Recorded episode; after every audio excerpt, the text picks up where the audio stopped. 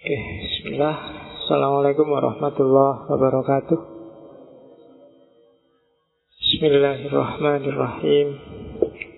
Alhamdulillahirabbil alamin wa bihi nasta'inu ala umurid dunya waddin. Allahumma salli wa sallim wa barik ala habibina wa syafi'ina sayyidina wa maulana Muhammadin wa ala alihi wa ashabihi wa man tabi'ahum bi ihsanin ila yaumiddin. Amma ba'du. Uh, Bismillah.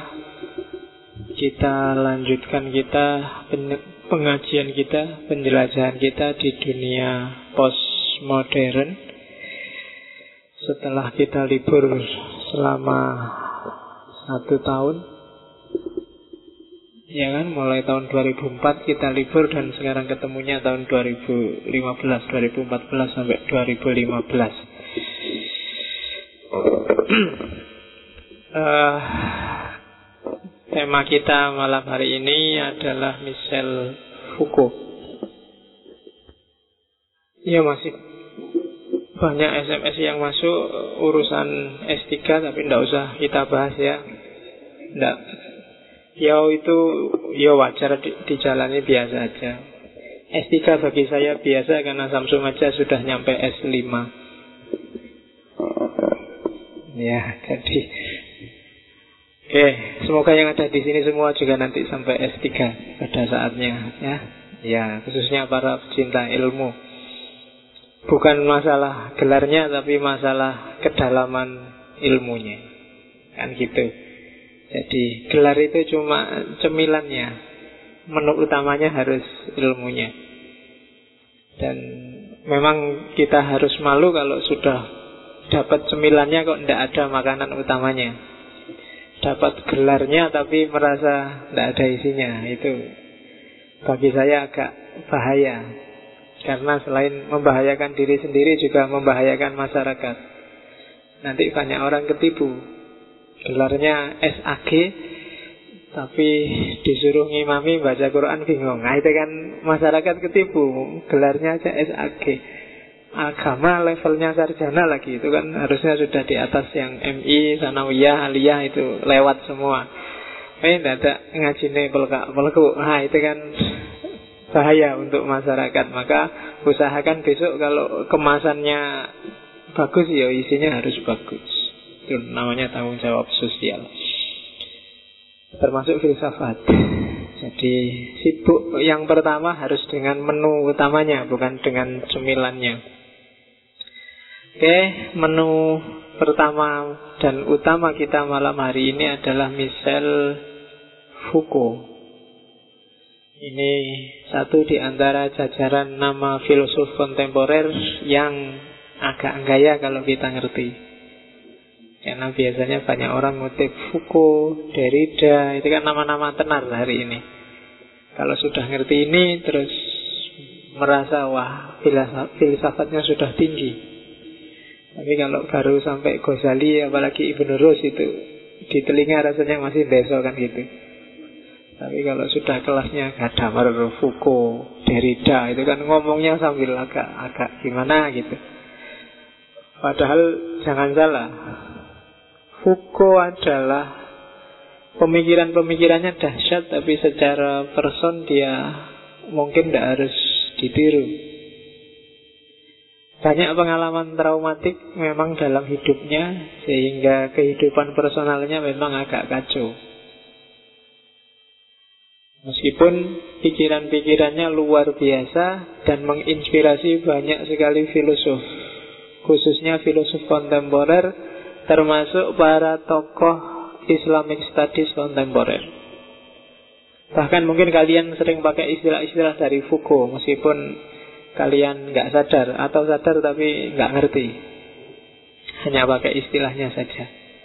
Dan sekarang banyak yang kayak gitu. Uh, saya lupa ada fotonya nggak ya yang tak bawa di sini? Nggak fotonya nggak ke bawah. Mungkin silahkan ditelusuri di Google ya kalau mau nyari fotonya. Biasanya yang ada di internet itu gambarnya yang gundul itu, yang gundul pakai kacamata. Kayak apa ya, ya kayak penjahat-penjahat film India itulah. Biasanya kan gitu gondol. Film India itu kan penjahatnya kalau nggak gondol ya berewokan kan mesti gitu. Jadi modelnya kayak gitu tapi orangnya nggak bengis, wajahnya wajah ramah. Kalau kalian buka YouTube yang Foucault ngomong sendiri kelihatan orangnya ngomongnya enak, murah senyum. Foucault jadi enak dilihat meskipun hidupnya tragis. Kayak hidupnya juga agak tidak perlu ditiru dari seorang Foucault meskipun pikiran-pikirannya bisa kita warisi. Ya, ya tak sebut tadi kayak penjahatnya film India. Tapi jangan khawatir kalau di India masih banyak polisinya. Dan polisi India itu gelarnya kan cuma dua. Kalau nggak komisaris ya inspektur. Di luar itu nggak ada. Ya, dan ngirit nggak kayak polisi Indonesia. Kalau sana cukup pakai mobil zaman dulu model Willys itu. Nggak ada polisi kok mobilnya bagus. Khas film India. Dan Foucault sempat juga menjelajah ke timur India dan dia lama di Iran. Dia banyak nulis tentang Iran karena dia di Iran waktu terjadi revolusi Islam tahun 79. Dan dia banyak nulis tentang Iran dan dibukukan juga. Meskipun sebenarnya itu kumpulan dari artikel-artikel yang dia tulis waktu dia tinggal di Iran. Dia simpatik pada Islam. Bagi dia agama yang punya ikatan sosial yang luar biasa. Kalau pakai bahasanya Ibnu Khaldun dulu agama yang punya asobiah luar biasa, itu Islam. Sehingga menggerakkan orang Islam itu gampang kalau pakai jalur agama. Kalian kan lebih mudah bergerak kalau disenggol agamamu atau kelompok agamamu. Kalau sudah masalah NO berani mati. Tapi masalah kuliah nanti dulu. Kan gitu biasanya. Jadi urusan nah itu itu itu dilihat oleh Foucault dan dahsyat ya Islam itu karena dia melihat prakteknya di Iran. Bahkan Zaman penjajahan Belanda dulu kan kita banyak kejuangan pesantren, ada Hizbullah, ada Sabilillah, ada itu karena memang bagi Foucault ikatan primordial kalau basisnya Islam itu lebih mudah digerakkan. Oke, kenapa kok ada sih orang yang banyak malahan jadi anggota FPI ya karena jargon-jargonnya agama lebih mudah. Kalau kalian pakai jargon yang tidak agama kan agak susah ngomong. Pakai HAM, keadilan, feminis itu kan agak berat. Tapi begitu ngomong agama Allah Allahu Akbar Subhanallah Astagfirullah itu kan kalian nggak berani deket-deket pokoknya itu milikku itu emosi keagamaannya main dan itu yang dilihat oleh Foucault di Iran zaman itu oke Foucault ya itu tiga kata untuk menggambarkan Foucault adalah tragic life of abuse. Dan yang kedua revolt. Dan yang ketiga, sexual perversion. Foucault adalah, kalau disuruh menggambarkan secara person, Foucault adalah seorang yang hidupnya tragis, kemudian tapi dia pikiran-pikirannya revolusioner, hanya saja dia punya kelainan seksual. Sexual perversion.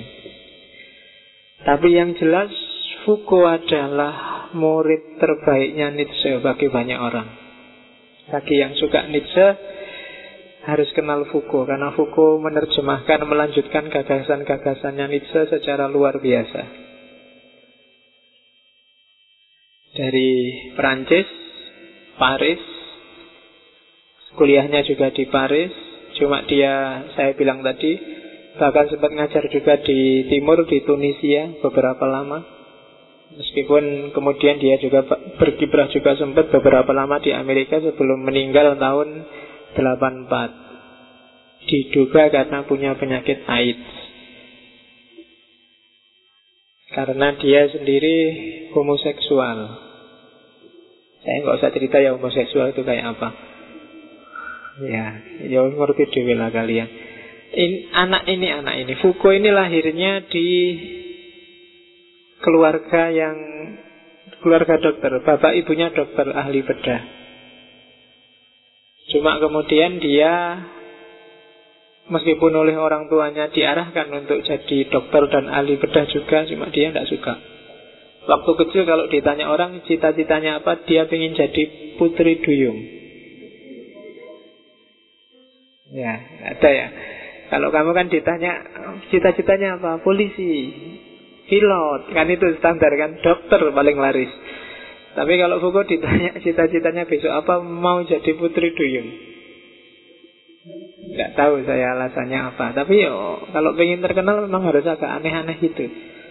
Ya kamu gitulah kalau ditanya orang biar khas ya. Cita-citanya apa? Saya pengen jadi pohon kelapa gitu kan jadi. Oh, itu masuk koran kalian mesti. Ada orang cita-citanya jadi pohon kelapa. Oke, ya tapi kan pasti ada makna di balik itu. Uh, Foucault apalagi yang tak ceritain dia ini ag ag gampang anu psikologinya agak labil gampang stres gampang ngamuk begitu dipaksa orang tuanya untuk kuliah di kedokteran maka dia buang nama bapaknya Paul jadi tidak pakai Foucaultnya bapaknya kan Paul Foucault tidak pakai Paulnya dibuang dia pakai nama Michel. Tapi dia ini pinter dipaksa kuliah kedokteran tapi dia lebih juga ngambil filsafat psikologi humaniora. Dan akhirnya ya lulus. Meskipun dia mungkin kayak kalian berkali-kali daftar di universitas favorit saya lupa namanya dan ditolak sampai dua kali jadi yang gagal UMPTN sekali jangan sedih Fuku aja dua kali ya kalau kalian sudah mutung berarti tidak akan bisa jadi kayak Fuku Sampai kemudian dia mengeluarkan gagasan-gagasan luar biasa. Cuma di kampus dia merasa terasing di kampus. Karena dia merasa nggak enjoy. Pada akhirnya kan dia tes yang ketiga masuk dan hidup di lingkungan elit, kampus terkenal. Cuma dia merasa asing dari teman-temannya karena temannya ini kan orang terjamin semua. Orang-orang elit. Dan dia nggak suka pergaulan-pergaulan elit ala bangsawan. Dan ini bikin dia stres. Beberapa kali dia nyoba bunuh diri Minum racun Sempat Ngiris nadinya sempat Bahkan menusuk jantungnya pakai pisau sempat Tapi nggak mati-mati Wong belum waktunya memang Sampai satu ketika pernah temannya itu kaget tiba-tiba di koridornya kampus itu ada Fuko yang berlumuran darah. Tapi akhirnya selamat juga. Dan Terakhir dia sama orang tuanya sempat dimasukkan rumah sakit jiwa karena dia terang-terangan ngaku bahwa saya seorang homoseksual. Dan di zaman itu orang yang homoseksual dianggap jiwanya sakit. Maka dia mungkin kalian juga sampai hari ini kan menganggap homoseks itu orang yang sakit jiwa, perlu disembuhkan. Itu nanti yang dikritik habis-habisan oleh Foucault. Jadi dia di rumah sakit jiwa ndak ndak lama sebenarnya karena dia diputuskan ndak mau kayak gini kok gila ini malah namanya cerdas kata dokternya. Tapi di situ terus dia mulai tertarik dengan fakta fenomena yang namanya kegilaan. Karena dia sering lihat dokter ngasih terapi menyembuhkan pasiennya.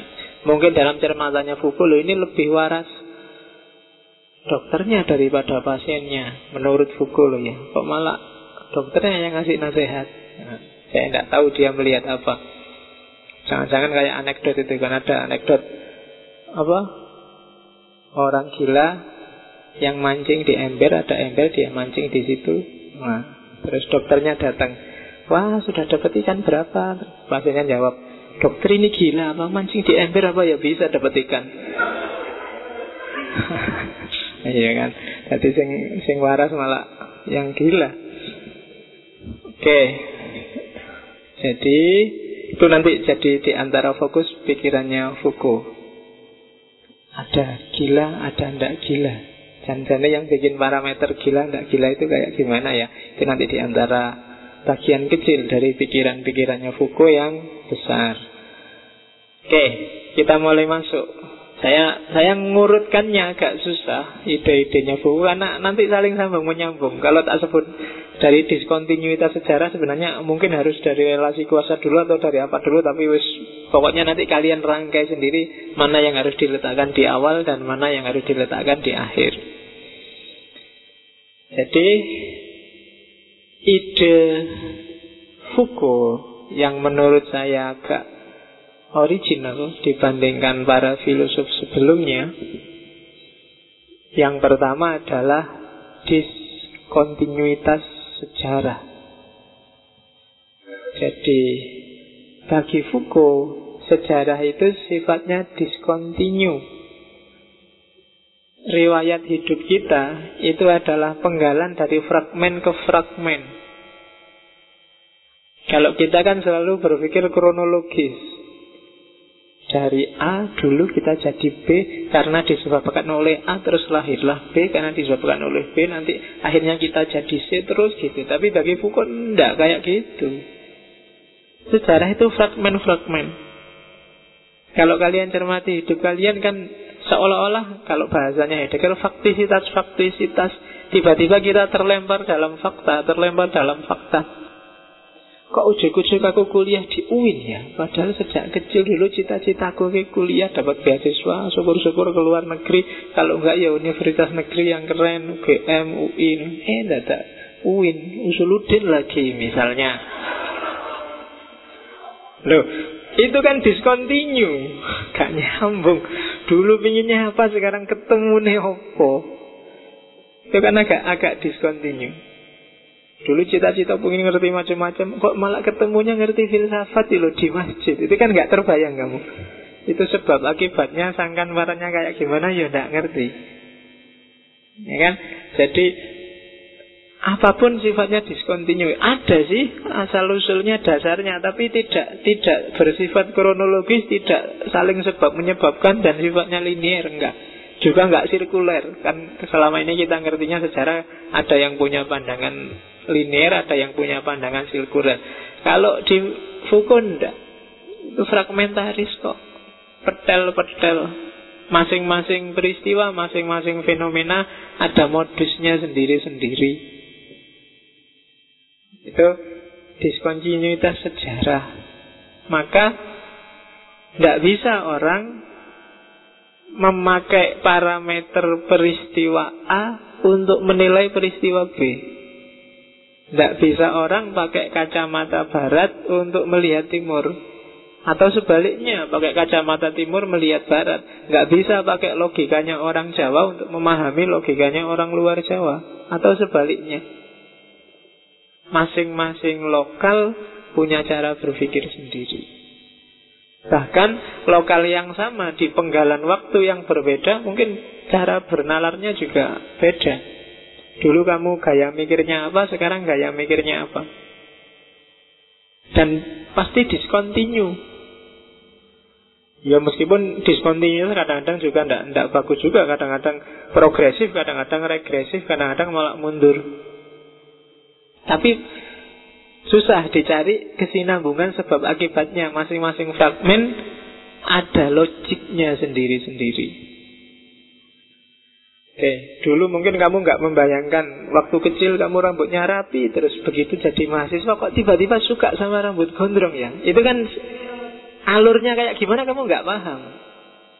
Ada fragmen tiba-tiba saja kamu suka rambut panjang.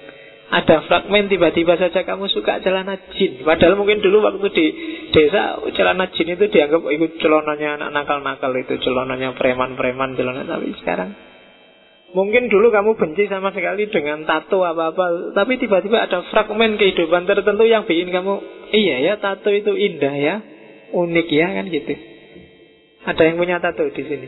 Enggak, enggak ada ya Ada warnanya putih Oke ya.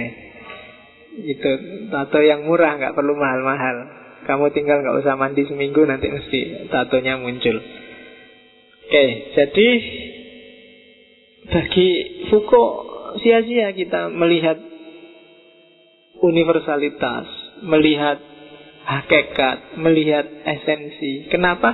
Karena esensi itu tidak ada. masing-masing peristiwa itu sifatnya penggalan-penggalan, fragmen-fragmen. Jadi menilainya jangan dulu kayak gitu ya Pak, kemarin kayak gitu, enggak, fragmennya sudah beda. Jadi hati-hati, modusnya orang katanya buku diskontinu kok. Dosen mungkin ada doa, ini, ini Pak dosen ini bagus loh, kemarin waktu ujian aku bolos terus saja boleh. Sekarang aku mesti juga boleh, enggak mesti. Dulu mungkin ada alasannya, sekarang alasannya apa lagi? Dulu mungkin pas duitnya banyak, sekarang sedang bokek. Kamu datang minta izin, ah, malah dimarahi kamu. Dulu dia sedang seneng, sekarang sedang sumpah sepeda lagi sudah. Jadi fragmen, jangan digeneralisir. Oke. Jadi itu diskontinuitas sejarah. Jadi peristiwa-peristiwa sejarah jangan dibaca secara general, diuniversalisasi. Tidak, masing-masing fragmen ada logiknya sendiri-sendiri. Oke. Apa sih logik masing-masing fragmen itu, masing-masing peristiwa sejarah? Itulah nanti yang disebut epistem. Epistem ini nanti kadang-kadang di Indonesia diterjemahkan jadi nalar. Jadi Makanya ini kan kita sering kan pakai istilah nalar. Kalau orang Jawa nalar itu kan tidak sekedar bisa mikir tapi semacam world view pandangan hidup. Jadi kalau ada orang gampang putus asa terus di Jawa disebut nalare cupet. Itu kan berarti apa? Epistemnya sempit, tidak luas. Jadi setiap orang punya sistem bernalar sendiri. Setiap horizon budaya, horizon sosial itu biasanya punya gaya sendiri, gaya berpikir sendiri. Itu yang disebut epistem. Kadang-kadang diterjemah nalar, kadang-kadang diterjemah logik, logika. Misalnya logika feminis. Itu maksudnya bukan kok logika yang ilmu mantek itu, tapi itu epistem view-nya, cara berpikirnya, way of thinkingnya para feminis. Epistemnya ngaji filsafat. Nah, itu berarti cara berpikir teman-teman ngaji filsafat. Mungkin beda dengan filsafat yang lain. Mungkin beda dengan kemarin saya ada kabar di Jakarta. Teman-teman ada pelatihan filsafat cuma di hotel. Yo yang isi ya orang-orang besar. Cuma bayarnya juga besar. Jadi sekali pelatihan bayarnya 4 juta setengah. Ya, itu kan tidak apa-apa. Sayangnya di sini nggak gitu ya. Coba gitu, mas, seneng aku. Lu bayangkan aku lah tinggal ngitung 4 juta setengah, 4 juta setengah, 4 juta setengah, mas, seneng aku. Seminggu tujuh kali rapopo wis. Iya, jadi jadi ya seminggu sekali aku bisa seneng-seneng guys. Oke. Jadi epistem secara ringkas bisa didefinisikan sebagai cara seseorang atau sekelompok orang berpikir, memandang, menguraikan dan memahami kenyataan. Jadi epistem adalah kacamatamu untuk memahami. Jadi epistem itu kacamata akalmu, kacamata pemahamanmu. Jadi saya sekarang agak plus matanya jadi kadang-kadang pakai kacamata cuma karena belum terlalu besar jadi sering tak copot. Kadang-kadang waktu tak pakai karena capek tak taruh di sini. Kemarin ada dulu, kacamatanya kok dipakai di sini kok nggak di mata? Oh enggak, kalau masih di mata itu berarti matanya yang agak burem. Tapi kalau sudah judek, raiso mikir tak taruh sini pak. Jadi, jadi yang butuh kacamata sudah utek eh pak wis sumpek berarti kacamatanya ditarik ke atas ini jadi sumpek. Jadi kalau ada dosenmu pakai kacamata kok terus diangkat ke atas, ah itu tanda-tanda mulai. Otaknya butuh kacamata kalau tadi cuma matanya. Oke, dan menurut Foucault, secara umum, secara universal, contoh epistem itu bisa dilihat dalam periode-periode sejarah. Mungkin dulu pernah sedikit tak singgung di pengantar filsafat. Misalnya orang Yunani kuno itu cenderung berpikir kosmosentris. Jadi memposisikan dirinya bagian dari alam semesta, kemudian melacak relasi-relasi dari realitas. Cuma adanya di kosmos. Yang itu nanti dilanjutkan oleh tradisi Helenisme yang kosmosentris tapi pusatnya pada manusia. Tidak lagi melihat tarian-tarian di alam semesta. Kalau yang Yunani itu pusatnya kan di alam, tidak di manusianya. Dan itu terus dibalik lagi oleh paradigmanya abad tengah dengan epistem pusatnya ada pada Tuhan. Itu yang disebut teosentris. Ketika lahir agama-agama besar. Terus orang modern datang dengan membuang semuanya Pokoknya yang paling penting manusia Itu nanti yang disebut antroposentris Modern banyak bikin masalah Terus lahir kesadaran baru namanya logosentris Yang melahirkan pluralisme Oh ternyata setiap orang punya logos sendiri-sendiri Itu yang disebut logosentris Cuma kalau di Foucault dia menunjukkan misalnya Coba dilihat Eropa Eropa modern punya epistem-epistem sendiri loh katanya Foucault sebagai contoh. Misalnya orang Renaissance. Nah itu cara berpikirnya dasarnya adalah resemblance. Kemiripan. Makanya lahir romantisisme. Jadi melihat sesuatu dibayangkan tandingannya yang mirip. Lihat wajah cantik, bayangan oh, wajahmu seperti rembulan. Ya kan? Cahayanya maksudnya bukan rembulan yang asli. Kalau yang asli kan geronjal-geronjal. Ya kan? Indah sekali kamu seperti gunung. Wah, dirimu menyinari hidupku seperti matahari kan gitu. Nah itu mode romantik cara berpikir resemblance era Renaissance. Makanya lukisan-lukisan Renaissance itu kan banyak banyak model-model natural. Jadi itu gaya pertama itu sebenarnya sejenis epistem. Dan hati-hati ya kalau kamu punya pacar dijadiin matahari sama pacarmu. Karena matahari sama kita itu jaraknya sangat jauh. Loh iya, kamu adalah matahariku berarti kamu sekian miliar jaraknya dari pacarmu itu berarti pengen putus dia. Ya kan? Kamu dijadiin mataharinya karena kalau deket-deket juga kan nggak kuat. Kamu adalah matahariku, aku deket-deket kamu nggak kuat, baum. Misalnya, jadi cara ngusir diem-diemnya gitu. Oke, nah itu terus jaraknya dikit aja satu abad setelah itu, yaitu era Enlightenment era pencerahan, ketika sains jadi booming, orang berpikirnya sudah sangat positifistik. Maka epistemnya oleh Foucault disebut representation, representasi. Bahwa pikiran itu adalah wakil dari realitas. Ide itu menghadirkan realitas. Itu era era enlightenment, era pencerahan. Kemudian satu abad itu berlaku dua abad kan pencerahan ketika sains booming Terus lahir era menjelang postmodern Orang menjelang postmodern sudah tidak lagi sibuk dengan representasi bahwa ilmu itu menggambarkan realitas Tapi orang sudah masuk ke signifikasi. Jadi signifikasi itu makna. Makna itu sifatnya cenderung subjektif tergantung siapa yang memaknai. Kalau yang model tadi misalnya, yang jenis pertama, yang kemiripan, resemblance, melihat teh ini, itu cara berpikirnya yang model kemiripan. Kamu bayangkan tandingannya ini apa? Wah ini seperti lahar yang mau menggelegak ah, itu penjelasannya seperti itu. Tapi kalau model yang kedua, yang model sign, yang model representation, oh ini panasnya sekitar ya mungkin 60-70 derajat Celcius. Itu cara berpikir representatif.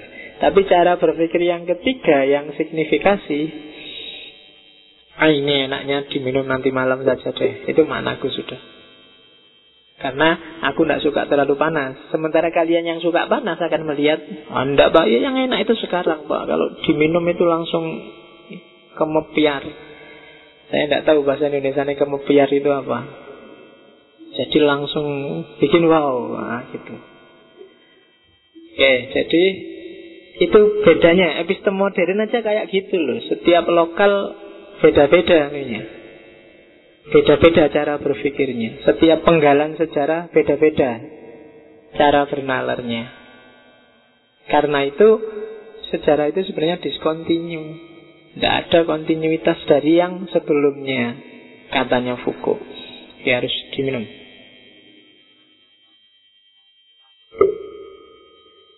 Oke, ya, kamu piar kalau teh. Cuma kalau di barangnya sama, tak kasih contoh signifikasi ya, kasih makna. Barangnya sama, kalau ini di angkringan 1500. Tapi kalian masuk careful dari nama teh anget diubah jadi hot tea 12.500. Loh, barangnya bodoh panasnya sama, gelasnya kacanya juga sama, tapi karena dimaknai secara berbeda, kalau di angkringan 1500 begitu kalian masuk amplas jadi 15.000 10 kali lipat. Kopi anget nah, paling 2000 3000 tapi begitu namanya jadi hot cafe atau cappuccino atau 20 kali lipat harganya. Oke itu namanya signifikasi. Problem makna sudah. Barangnya sama tapi cara memaknainya kan beda. Oke, okay. epistem merupakan proses panjang pembentukan, penentuan pengetahuan dan disiplin berpikir manusia. Jadi lahirnya epistem itu ya prosesnya panjang. Nanti ada ada kekuasaan-kekuasaan yang bermain. Nanti kita lihat bagaimana hubungannya dengan cara bernalar, pengetahuan dan kekuasaan. Oke, nah untuk membongkar epistem kalau di Foucault dia memperkenalkan dua sistem analisis. Yang pertama arkeologi, yang kedua genealogi.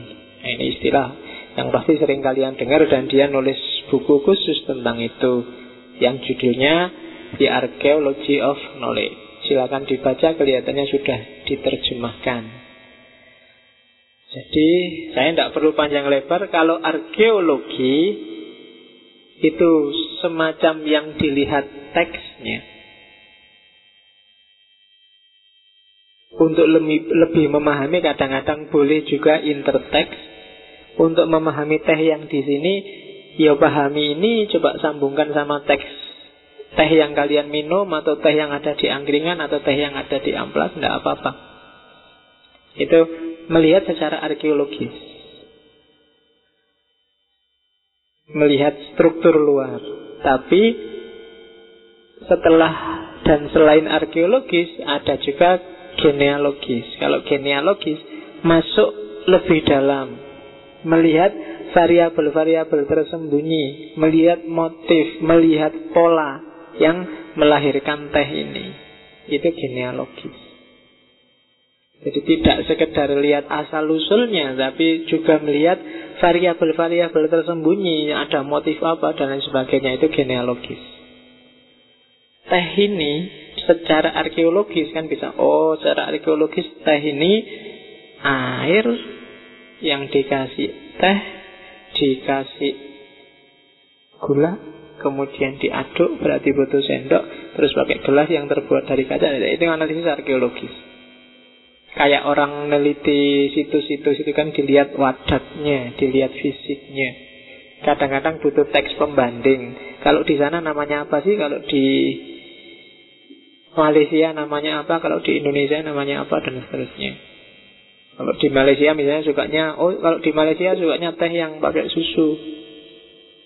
Kalau di Indonesia kan biasanya teh kosongan. Kalau di sana biasanya saya di Singapura namanya TO. Aku bingung, oh, apa TO? Kalau di Indonesia TO itu target operasi. Oh, maksudnya teh yang tidak pakai susu. Kalau di Indonesia tehnya kosongan. Karena kita kan sopan-sopan. Susunya nggak perlu dibawa ke mana-mana. Kalau di sana susunya diminum. Oke. Nah, kalau genealogi itu melihat ke dalam. Ini teh ini ada di depanku. Yang bawa ke sini siapa? Motifnya apa? Kepentingannya apa? Dia dimaknai apa oleh yang hadir hari ini? Kemudian ada variabel tersembunyi apa? Ini sejenis sogoan apa penghormatan apa? Nah, itu kan di, harus harus digali. Nah, itu genealogis. Apa ini sekedar kewajiban? Jangan-jangan kalau nggak ada teh takmirnya lebih seneng, nggak repot-repot. Cuma karena biasanya ada teh terus mereka merasa wajib atau penghormatan. Oh ini jamaah ya. Kalau cinta sebenarnya sebenarnya bukan jamaah, harusnya pasukan. Jadi Iya, lu Jenderal Sudirman kan panglima, masa jamaah harusnya pasukan. Jadi besok takmir kalau mengumumkan wahai pasukan Jenderal Sudirman, bukan para jamaah. Jenderal Sudirman harus pasukan. Ya, jadi kalau genealogi melihat itu, jadi melihat ke dalam. Ada variabel-variabel yang berkaitan apa sih ini nanti yang dilanjutkan oleh Foucault kemarin dengan jaringan maknanya. Itu sifatnya genealogis. Ya berarti kalian besok kalau bikin skripsi mau pakai pendekatannya Foucault yang itu nanti disebut analisis wacana kritis. Itu jangan lupa arkeologi dan genealogi. Kalau itu ide berarti arkeologi dan genealogi pemikiran. Setiap pemikiran pasti punya itu. Gagasan tentang apa pun. Misalnya tentang komunisme. Oh itu kan secara arkeologi tinggal kalian cek apa definisinya, apa maknanya, sistemnya komunis itu kayak gimana dan seterusnya. Genealogi berarti kalian lihat variabel-variabel apa sih yang dibawa, baik yang kelihatan maupun yang tersembunyi. Mereka yang bawa komunis ini ada motif apa dan seterusnya. Mereka yang menceritakan peristiwa komunisme ini punya kepentingan apa? Kok ada yang beda, ada yang nggak beda? Yang beda pro ngomong apa, yang kontra ngomong apa? Kemudian kamu cari sejarah ide, relasi-relasi hubungan yang ada di balik ide itu genealogi. Yo, buku cuma bukunya agak tebal silahkan diperdalam sendiri. Maksud utamanya ke situ. Secara teknis harus kalian cek sendiri. Apa itu arkeologi apa itu genealogi. Oke sekarang kita masuk ke gagasan paling populer yang paling disukai oleh banyak filosof hari ini. Dan gagasan ini sangat influensial yaitu ada relasi antara kuasa dan pengetahuan. Foucault punya jargon seperti Francis Bacon di awal-awal Renaissance, yaitu knowledge is power, dengan konotasi yang berbeda. Di awal-awal Renaissance, knowledge is power itu berarti barang siapa pinter, maka dia punya kekuatan. Tapi kalau di Foucault, definisinya agak dibalik. Barang siapa punya kekuatan, punya kekuasaan, maka dia bisa mengkontrol pengetahuan. Jadi kekuasaan katanya Foucault selalu terartikulasikan lewat pengetahuan dan pengetahuan selalu punya efek kuasa. Penyelenggaraan kekuasaan selalu memproduksi pengetahuan sebagai basis kekuasaannya. Tak baca nanti tak jelasin. Kuasa memproduksi pengetahuan dan bukan saja karena pengetahuan berguna bagi kekuasaan, tapi juga karena tidak ada kekuasaan tanpa pengetahuan. Untuk mengetahui kekuasaan dibutuhkan pengetahuan mengenai produksi pengetahuan yang melandasi kekuasaan. Karena setiap kekuasaan disusun, dimapankan, dan diwujudkan lewat pengetahuan dan wacana tertentu. Setiap kekuasaan selalu berpretensi menghasilkan rezim kebenaran tertentu yang disebarkan lewat wacana yang dibentuk oleh kekuasaan. Itu narasinya. Penjelasannya gini. Mungkin di Indonesia pengalaman dengan Orde Baru, pengalaman dengan Orde Lama. Pengalaman dengan orde reformasi Pengalaman dengan orde Apa setelah reformasi Hari ini masih reformasi apa sudah selesai reformasinya Pasca reformasi. Post reformasi ya. Ya. Hari ini ordernya nggak jelas sudah kalian bingung ini masih reformasi apa enggak ya Pak? Kalau sudah selesai masa hasilnya kayak gini reformasi atau sudah selesai dengan tidak sukses? Itu namanya belum selesai. Atau kemarin keliru kita bikin reformasi itu, oh, itu harus dibahas. Kita nggak pernah bahas sih. Atau jangan-jangan ada kekuasaan yang memang bikin itu rumit dan kabur. Sehingga kalian sendiri akhirnya bingung Apa janjane reformasi itu Dulu Pak Harto dengan orde barunya Untuk melanggengkan kekuasaannya Maka dia terus menerus memproduksi gagasan-gagasan yang Mendukung bikin dia bisa berkuasa lama Misalnya tentang developmentalisme Misalnya tentang anti komunisme Kesaktian Pancasila apalagi Sampai kamu yakin bahwa Pancasila itu sakti loh. Boh sakti neneng di. Sampai kamu yakin benar kan kan itu yang disebar. Repelita, pembangunan lima tahun, P4, penataran. Oh, itu kan produksi-produksi pengetahuan yang bikin kekuasaannya tambah lama tambah langgeng. Kenapa? Karena pengetahuan yang berjalan, berputar, diproduksi, mendukung. Jadi yang yang dikeluarkan itu yang bikin bikin langgeng. Jadi bukan pengetahuan itu adalah sesuatu yang apa ya menghasilkan kekuasaan, tapi kekuasaanlah yang mengizinkan sebuah pengetahuan eksis atau tidak eksis. Ya. Makanya kan setiap rezim kekuasaan sebenarnya nggak cuma negara, bahkan di agama kan juga gitu. Maka kan ada kategori jangan ini bukunya liberal. Oh, jangan ini bukunya orang fundamentalis. Oh, jangan itu kan dalam rangka ini loh. Kamu jangan masuk ke pengetahuan itu. Pengetahuan kita yang benar itu cuma ini. Jadi ada rezim kekuasaan. Jadi ada hubungan antara kekuasaan dengan pengetahuan. Jadi kekuasaan yang hari ini mampir di kepalamu, eh pengetahuan yang ada di kepalamu, itu sebenarnya sudah ada yang ngatur. Yang ngatur siapa? Penguasa. Kamu merasa, oh benar pak itu yang anu. Tidak, sebenarnya kamu dihegemoni, didominasi, tapi nggak terasa. Karena sejauh yang kamu tahu, yang benar ya cuma itu-itu. Yang dijejalkan di kepalamu. Itu yang bikin pengetahuan terus secara nggak sadar sering jadi ideologi. Jadi kekuasaanlah yang melahirkan pengetahuan. Dan jangan salah, kenapa kamu kok tidak berontak? Meskipun sistem pengetahuan dalam dirimu sebenarnya disetir Karena kekuasaan itu bekerjanya nggak represif Tapi melalui normalisasi dan regulasi Kamu dimapankan caramu berpikir Ditunjukkan bahwa yang normal itu kayak gini. Yang kayak gitu nggak normal.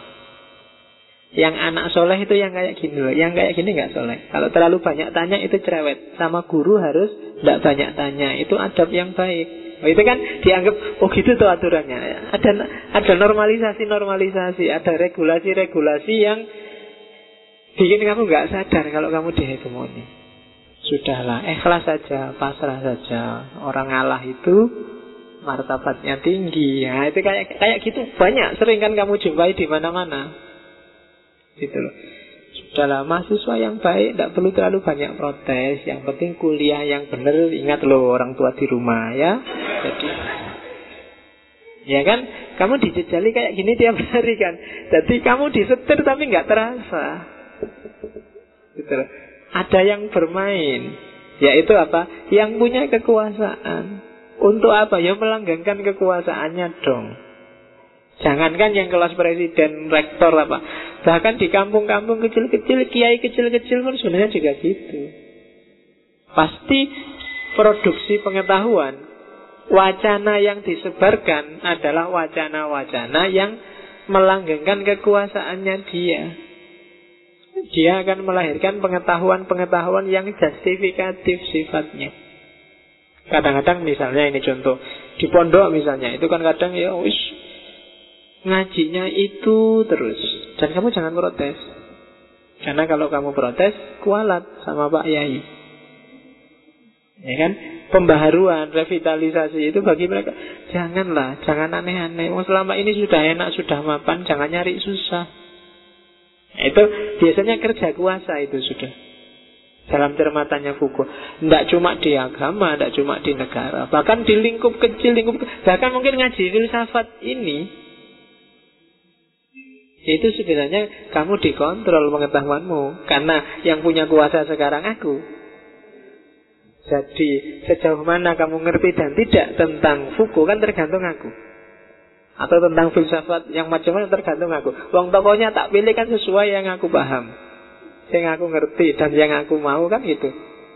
Sehingga isimu tentang filsafat khususnya yang dari ngaji ini kan sangat tergantung padaku maka tak produksi wacana tak cari tokoh tak yang kira-kira kamu ingin ngaji terus.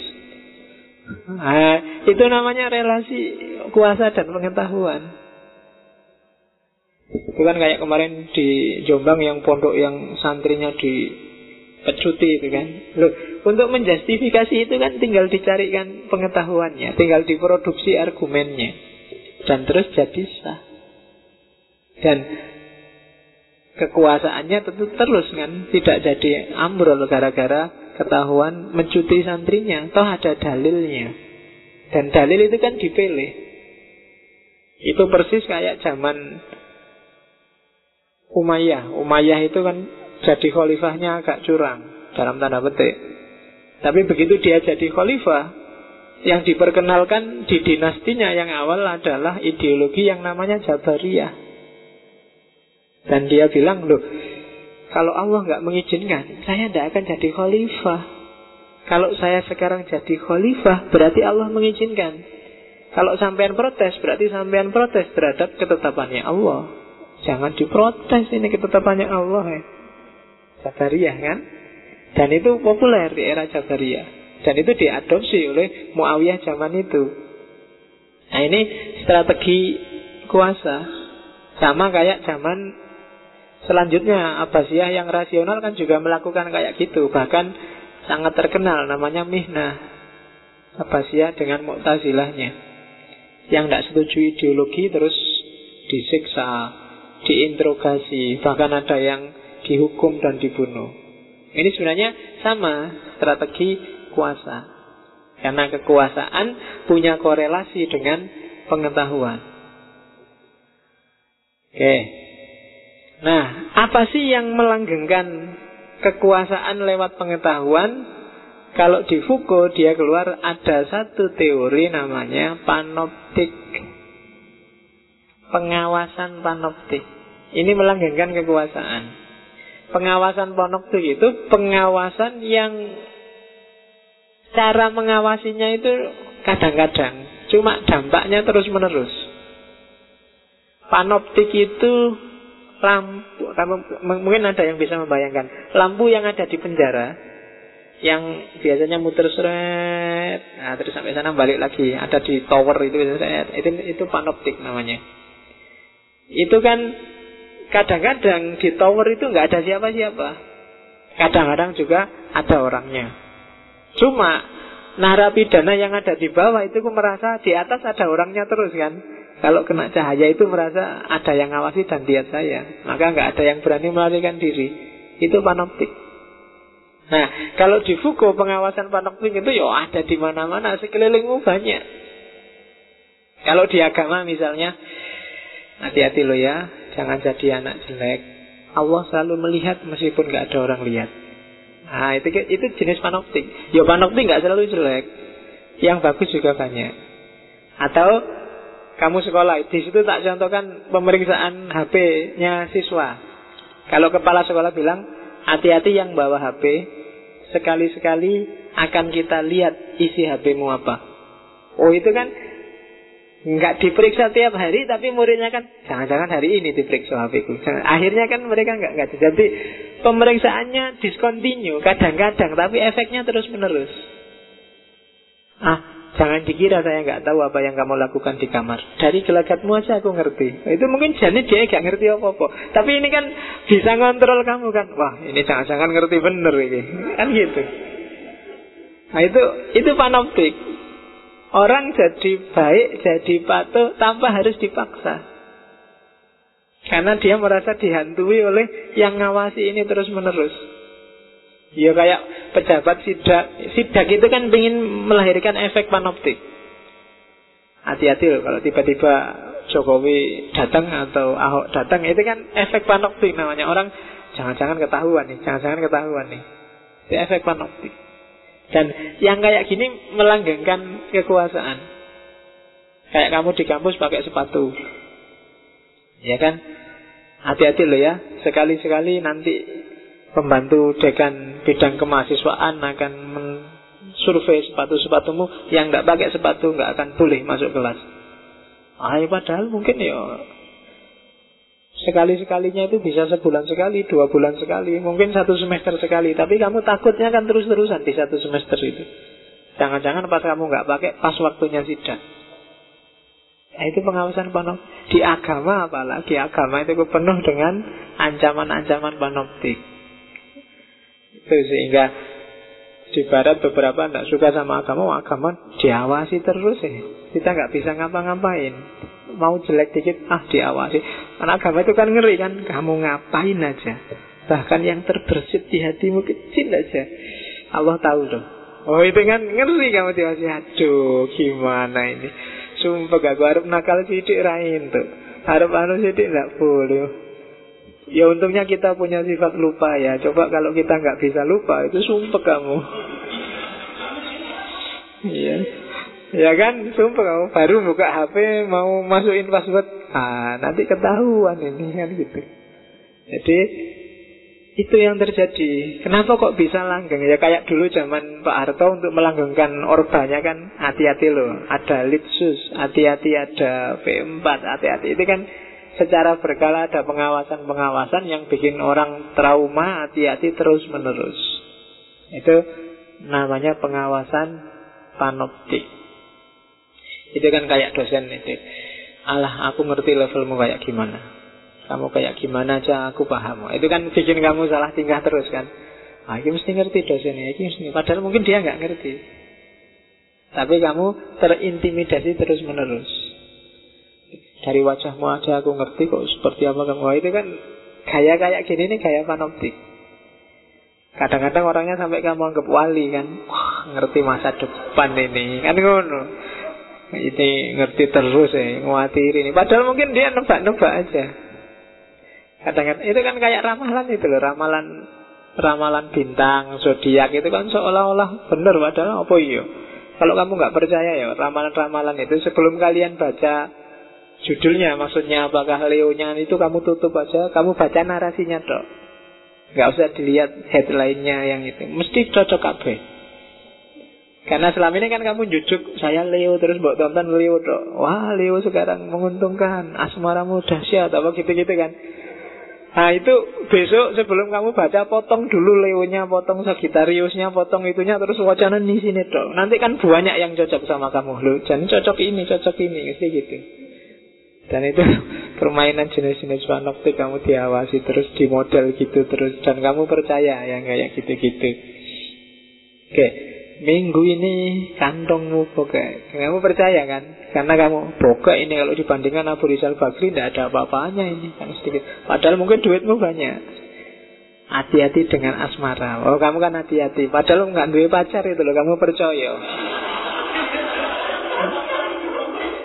Jadi dengan semangatnya kamu baca, tidak duit pacar, baca ramalan asmara. Oke, nah itu pengawasan panoptik.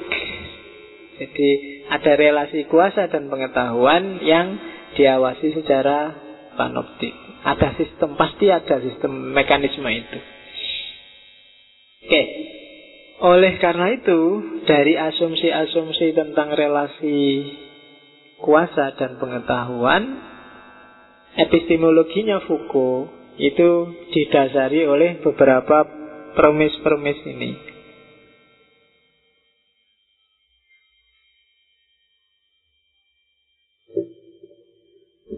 Yang pertama, pengetahuan itu bukan sekedar refleksi atas realitas. Tapi realitas plus epistem cara pandang. Jadi tidak kok pengetahuanku adalah setelah aku lihat teh terus lahirlah pengetahuan tentang teh. Tidak begitu.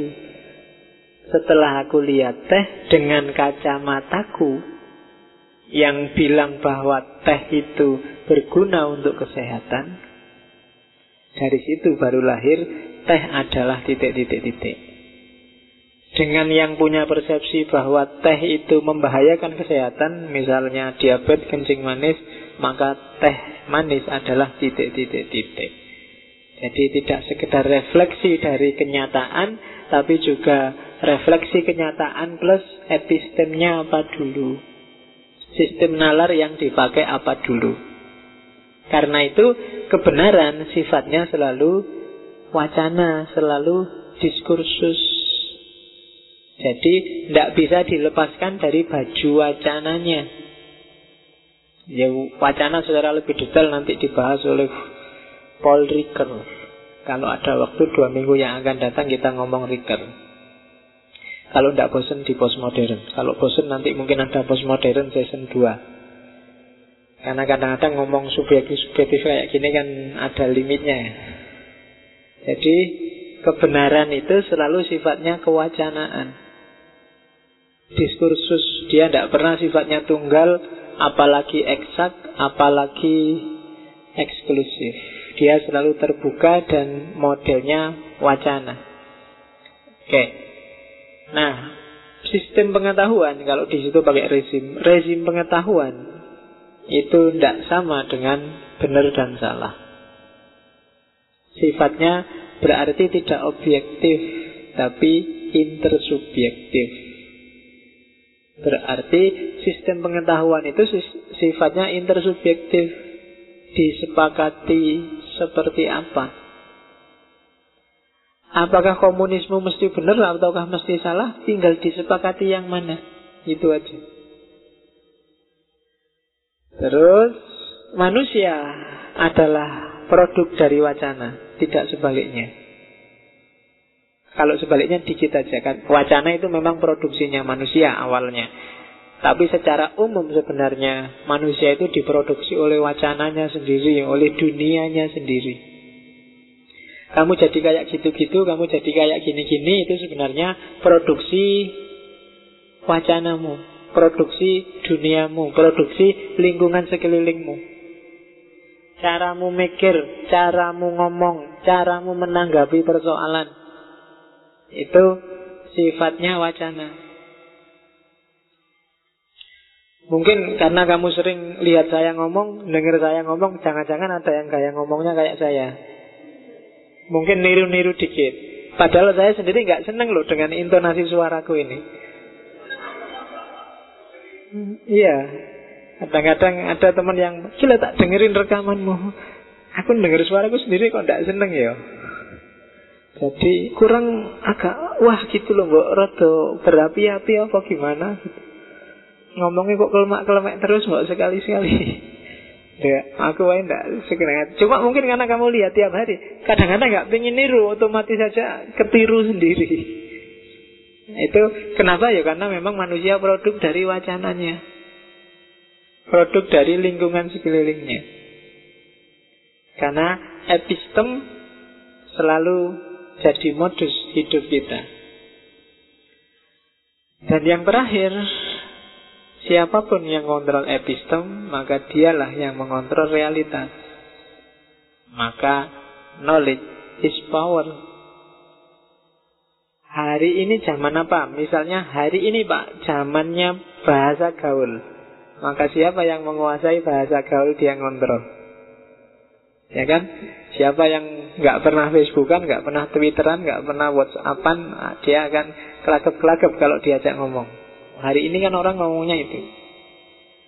Bahkan kalau nggak begitu perkembangan, kadang-kadang ada perubahan dasar. Kalau kalian misalnya apa? Facebook itu kalau ada LOL kalian menerjemahkannya apa? Ya, love out loud. Itu makna baru. Sebenarnya dulunya LOL itu maknanya lots of love. Iya, jadi harus Kayak kayak semacam wah aku sayang padamu atau banyak sayang, banyak cinta, lots of love. Tapi sekarang kan jadi love at loud. Jadi ketawa terbahak-bahak. Kemarin cinta-cinta, sekarang ketawa kebahak-bahak. Itu kan epistem. Gitu. Sakit bingit itu kan. ya. Oh itu yang tidak paham kamu akan jungkir apa bingit itu. Kan ada lagi yang cius, ini apa? Padahal itu kalau dengan logika yang sama, cius itu kan serius. Kalau mie apa apa? Ayo, mie apa apa? Ya kan? Itu kalau kata-katanya diganti jangan serius maunya apa, tapi kalau diganti sorry, nggak sengaja itu terjadinya apa? Ya itu kalau cius mi apa itu kalau sorry nggak sengaja jadinya jolly nggak sengaja. Oke. Okay. Lo iya kan? Jadi lucu kan? Jadi enggak Makanya jangan ikut-ikutan kamu Kalau sorry nggak sengaja jadi saru akhirnya Oke okay. Kita lanjutkan. Ya, berarti kalian ngerti lah epistemenya ya. wacana. Apa sih wacana itu? Apa sih diskursus itu? Diskursus adalah wacana adalah a group of statement which provide language for talking about a particular topic at a particular historical moment. Jadi wacana adalah sekumpulan pernyataan yang menyediakan, memberikan satu bahasa untuk berkomunikasi. Satu tema khusus di satu momen sejarah tertentu. Jadi itu maksudnya apa sih?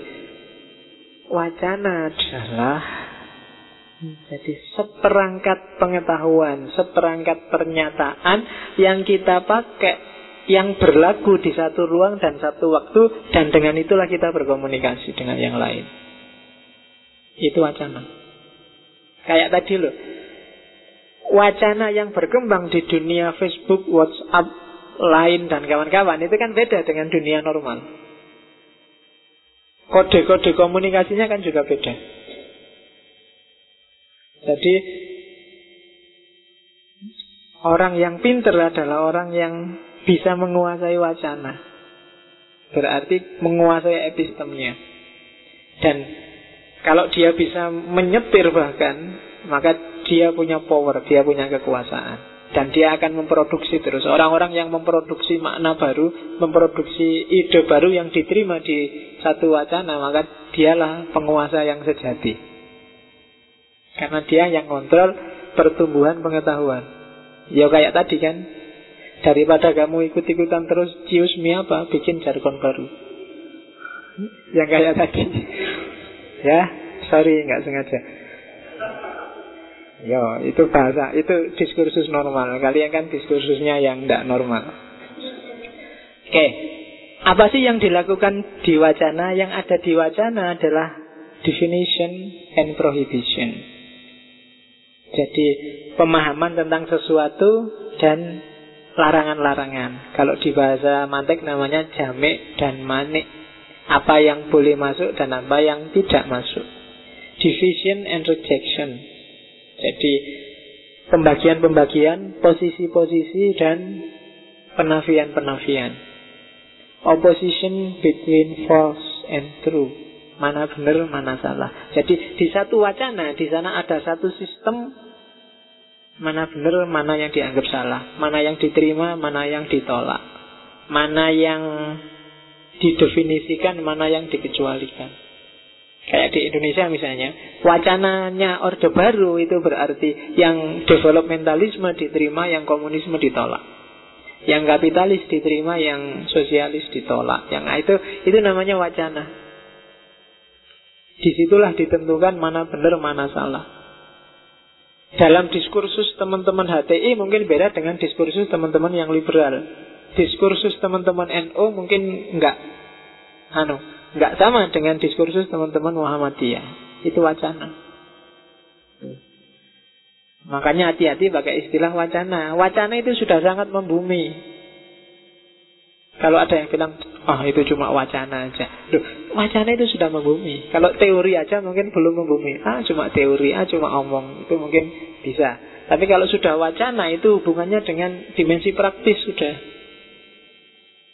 Jadi di sana sudah ada division, prohibition, ada rejection, ada benar salah. Jadi wacana itu satu sistem yang disepakati bersama. Di situ ada kode-kode komunikasi. Kapan harus ngomong, gimana caranya menghargai, gimana caranya menolak. Nah itu wacana namanya. Cirinya wacana adalah yang pertama dialah yang membentuk relasi. Dialah yang jadi jembatan dalam dunia sosial. Itu wacana. Makanya ada wacana desa, misalnya wacana kota. Kita dulu kan punya kode-kode. Ini ciri-cirinya desa, ini ciri-cirinya kota. Kalau desa itu lugu, orang-orangnya juga lugu. Kalau kota sudah modis. Kalau orang desa biasanya rambutnya di belah pinggir klimis, misalnya itu contoh. Sementara yang kota sudah agak rambutnya naik-naik, ya contoh. Kalau kota jalannya sudah beraspal, kalau desa jalannya belum beraspal misalnya. Kalau di kota ada Oh, kalau di desa ada ayam nyebrang, kalau di kota nggak ada ayam nyebrang misalnya. Nah, itu kode-kode komunikasi. Ya kalau di kota kan nggak ada ayam nyebrang jalan kecuali ayam yang beda konotasinya. Jadi itu contoh ciri wacana. Jadi ada kode-kode komunikasi, kode-kode hidup bersama yang disepakati. Mungkin di desa orang ngertinya kendaraan itu ya mungkin misalnya paling tinggi ya motor atau kerbau atau sapi sehingga begitu ada mobil masuk sana dia jadi barang aneh. Kenapa? Karena selama ini nggak masuk di kode komunikasi mereka. Begitu mobil masuk, wah anak kecil-kecil ngerubung semua, wah dilihatin dia gitu. Nah itu kenapa? Karena selama ini belum dikenal. Tapi sekarang mungkin sudah beda berubah. Sekarang nggak ada orang nggak kenal mobil, nggak ada orang nggak kenal motor maka mobil masuk ya cuek aja nggak ada yang kaget. Kenapa? Kode-kode komunikasi, relasi dan wacananya sudah berubah. Oke. Nah, dan di sinilah nanti awal dan akhir dari yang namanya dominasi dan kekuasaan. Kebenaran selalu diproduksi orang oleh yang punya kuasa Dan wacana ini kan yang disetir Coba kamu lihat gimana pertarungan perebutan wacana, perebutan benar salah, perebutan pantas dan tidak pantas, perebutan kuasa antara misalnya ini Metro TV dan TV One. Itu kan kelihatan pertarungan untuk merebut wacana. Yang satu yang di blow up apa saja, yang satu yang di blow up apa saja. Ini apa? Ini mencari kuasa. Kalau dia sudah punya kuasa, dia punya hak untuk memproduksi pengetahuan. Kalau dia sudah dipercaya kan dia punya kuasa. Kalau sudah dia punya kuasa Dia akan terus memproduksi pengetahuan sesuai kepentingannya. Ya dunia politik kan selalu begitu. Jadi jangan salah. Tidak ada pengetahuan yang tidak bersinggungan dengan dunia politik kalau di hukum Karena pengetahuan itu ya dikontrol oleh kekuasaan. Apa yang kamu ketahui itu kalau diizinkan oleh yang punya kuasa ya kalau enggak ya enggak. Kurikulum itu kan yang nyetir juga pemerintah kan. Disahkan apa enggak yang mengesahkan juga pemerintah kan bukan guru besar atau ilmuwan. Kalau pemerintah bilang jalan ya jalan, kalau pemerintah bilang enggak ya enggak. Itu kan berarti adalah kepentingan demi kepentingan di sana. Dan karena ini ada hubungannya dengan kekuasaan, maka nanti pasti ada yang terpinggirkan atau ada yang terbenam di ranah apa pun ya termasuk agama kan? Kalau agama misalnya Sunni sama si A di Indonesia dominannya Sunni ya. Sunni lah yang bisa memproduksi wacana terus menerus sementara si A dia terpinggirkan dan tenggelam. Kebalikannya di Iran, di Iran dominannya si A. Maka mereka di sana memproduksi wacana terus-menerus menunjukkan kebaikan-kebaikannya, kebenaran-kebenarannya, sementara yang Sunni terpinggirkan. Itulah yang disebut rezim pengetahuan. Barat juga begitu. Dengan liberalismenya, dengan individualismenya, dengan pragmatismenya, misalnya Amerika, ya dia akan terus memproduksi pengetahuan yang melanggengkan dominasi keberadaannya. Mungkin bayari kamu dengan funding-fundingnya.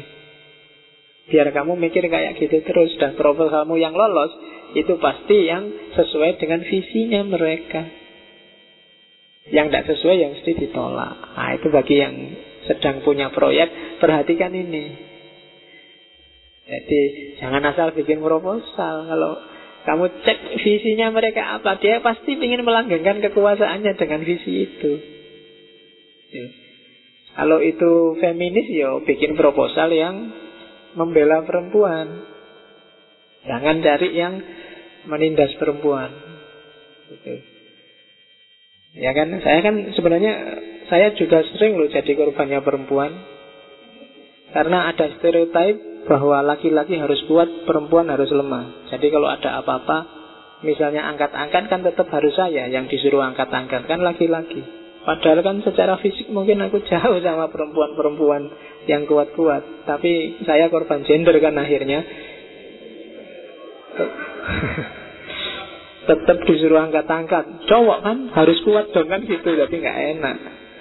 Kan sering gitu kan kita. Cowok kok nangis. Nah, Itu kamu berarti sedang ditindas oleh perempuan. Masa? Loh iya kan? Masa cowok nggak boleh nangis kan gitu? Nah Oke Itu cirinya wacana. Nah Nanti konsep Relasi kuasa dan pengetahuan itu Masuk di beberapa Gagasannya Foucault yang pertama yang paling terkenal adalah tentang kegilaan. Jangan salah katanya Foucault, waras dan tidak waras, gendeng, edan, dan seterusnya. Itu sebenarnya cuma kesepakatan. Itu Siapa sih yang sepakat? Elit tertentu biasanya di masyarakat. Pemerintah, ilmuwan, dokter, agamawan kan itu yang bilang. Oh kamu ini sudah gila ini. Oh kamu edan ini. Kamu stres ini. Itu kan mereka yang ngomong. Pak, Kayak sairnya Ronggo Warsito itu kan. Pokoknya Barang siapa ndak edan ndak keduman. Itu lo, jadi Foucault pakai logika loh. Kalau semua orang edan jangan ya nggak ada lagi orang edan wong podo kabeh. Maka parameter edan dan tidak edan, gila dan tidak gila itu sebenarnya dibikin. Kayak dia waktu jadi homosek dianggap gila. Wah ini homosek ini sakit jiwa ini kan itu terus klaimnya padahal lo siapa sih yang bikin parameter orang sudah gila atau belum gila? Kalau kamu nggak lulus lulus ujian terus ngomong sakar dewe ngomel-ngomel itu sudah masuk gila apa baru stres apa masih waras opo setengah waras? Itu kan yang bikin parameter gitu siapa sih? Katanya buku. Lo itu sebenarnya ya para ilmuwan itu yang punya tanggung jawab. Para dokter bahkan mungkin para kiai. Kadang-kadang kategori gila dan tidak gila waras dan tidak waras. Atau dengan kata lain kadang-kadang pakai juga sesat dan tidak sesat. Itu sebenarnya punya motif minna wa minhum. Maksudnya apa? Kalau ingin disebut waras, kayak saya dong. Kalau ingin disebut nggak sesat, harus kayak saya ini loh. Sebenarnya itu. Dan itu yang dilakukan oleh para kiai, para dokter, para ilmuwan, termasuk pemerintah. Makanya zaman Soeharto misalnya, karena yang paling gampang contohnya itu, yang PKI disebut tidak manusia, disebut nggak waras, disebut uang edan, disebut uang kafir, disebut orang yang tidak beragama. Kenapa? Karena mereka minhum. Gitu. Jangankan itu, minna wa minhum juga misalnya termasuk NU dan Muhammadiyah. Jangan salah, yang sangat fanatik NU Kok bisa ya ada orang kayak Muhammadiyah? Loh, kan mesti Sing NU, sing Muhammadiyah juga gitu. Kok ada ya orang masih bisa berpikir kayak NU itu? Bisa kayak gitu. Kenapa?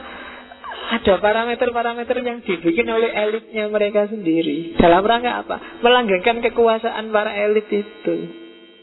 Termasuk waras dan tidak waras. Jadi kegilaan, madness. Bahkan nanti Foucault ngasih contoh, ini loh buktinya, hasil penelitiannya dia tentang kapan seorang disebut waras dan tidak waras. Lagi-lagi dia melihat modern sampai era awal postmodern. Misalnya dia lihat abad 16 sampai 18. Orang gila itu, kalau orang disebut gila, itu konotasinya malah positif. Orang gila itu orang yang bisa membebaskan diri dari lingkungan masyarakat, berpikir rasional, berimajinasi secara produktif, memproduksi gagasan-gagasan baru yang mengejutkan masyarakat. Edian orang ini, sip Lah iya kan? Jadi zaman itu kalau ada orang disebut wah gila ini, itu luar biasa justru konotasinya bagus. Maka para filosof Renaissance awal itu kan orang yang gila semua dia. Aneh-aneh gaya nih mesti. Kayak Voltaire dan kawan-kawan itu kemarin waktu kita pelajari. Dan luar biasa gila zaman itu loh. Cuma kebanyakan kita menganggap gila itu seperti modern awal yang dia sebut era klasik 17-18 di era ini sains sudah berkembang cara berpikirnya positivistik maka orang lebih percaya dokter dan yang sejenis itu mengukurnya akhirnya yang disebut gila sesuai yang dikatakan oleh dokter jiwa. Maka definisi tentang gila adalah orang yang tidak bisa mikir Orang yang pikirannya owah Orang yang kan gitu terusan. Yang di jalan-jalan pinggir jalan nggak pakai baju. Kan nggak saya ngomong gila bayanganmu kan terus mesti ke sana. Itu sebenarnya produk modern. Oh itu kalau dibahas dalam itu kan bisa bisa agak panjang misalnya siapa menurutmu orang yang di pinggir jalan nggak pakai baju itu kira-kira lebih bahagia mana dengan kamu yang bisa mikir dalam sehari lebih sering mana tersenyum daripada kalian Bahkan mereka bisa ketawa tiap hari tenang aja. Bisa free kan mereka bebas. Luar biasa. Jadi itu sebenarnya definisinya dokter jiwa. Jadi dan kita, kita terpaku di situ. Bahkan orang ini terus dimasukkan rumah sakit. Kamu yang diputus pacarmu ngomong sendiri, wah ini sakit jiwa, dimasukkan rumah sakit. Kamu yang dapat nilai E terus bingung karena kamu DP, wah ini sakit jiwa ini, periksa aja ke susi. Selalu gitu. Padahal terus dimasukkan rumah sakit. Dianggap sakit jiwa. Kalau di sini dibawa ke pakem. Ya kan? Padahal yang bikin parameter stres dan gak stres itu sopo sih? Jangan-jangan dokternya lebih stres daripada pasiennya. Ya kan? Dokternya tiap hari sumpek Sementara pasiennya loh tiap hari senyum-senyum. Itu malaikatnya bingung Ini sing pasien sing di Oke. Dan itu apa tengah? Sementara Di awal posmo hari ini Di era klasik sekitar akhir abad 18 Gila itu lawannya bukan bisa mikir dan tidak bisa mikir, tapi lawannya moralitas. Jadi orang yang nabrak kode-kode moral itu disebut orang gila, edan, preman, kemudian orang nakal, kriminal, mereka lah yang disebut gila. Kamu lihat ada penjahat bunuh orang sak keluarga terus gila. Itu perlu diperiksa kejiwaannya itu. Dan untuk orang terus patuh pada kode-kode moral biasanya masyarakat bikin institusi. Ya kalau di Foucault namanya aslum. Aslum itu ya termasuk ini semoga tidak tersinggung pondok pesantren, termasuk yang jenis-jenis itu. Asrama untuk pelatihan moral, termasuk yang motivator-motivator yang melatih kamu berpikir sehatlah, berpikir itu bodoh baik. Jadi itu memberadabkan kamu, memoralkan kamu, seolah-olah kamu tidak bisa sendiri kalau nggak ikut kode-kode yang mereka bikin. Seolah-olah kamu nggak disebut waras kalau nggak ikut seperti yang mereka mau. Dan orang sumpek luar biasa kalau tidak ikut ke sana. Misalnya, wah aku kok nggak entrepreneur yo, sementara semua orang sekarang ribut entrepreneur dan kamu sedih. Aku kok ndak motivator yo, kabeh motivator sekarang. Semuanya Mario Teguh. Aku kok ndak pingin ya, jangan-jangan aku ini ndak waras. Mungkin gitu kamu kan mikirnya. Jadi, aku kok ndak gaul ya, semua orang gaul. Hari ini yang disebut manusia itu yang punya akun Facebook, yang punya akun WhatsApp, yang punya HP, yang ndak, ndak kesambung. Nah, itu, jadi gila sekarang arahnya ke aksiologis. Kamu dianggap bukan manusia kalau tidak ikut yang seperti itu, ikut kode-kode itu. Itu hasil cermatannya Foucault, maka eh ternyata gila dan tidak gila itu sebenarnya cuma kesepakatan. Zaman dulu banyak lo raja itu yang tidak karu-karuan. Mirip orang sakit gila, tapi tidak ada dokternya yang bilang sampean sudah gila. Oh, kiamat kalau ada yang bilang kayak gitu.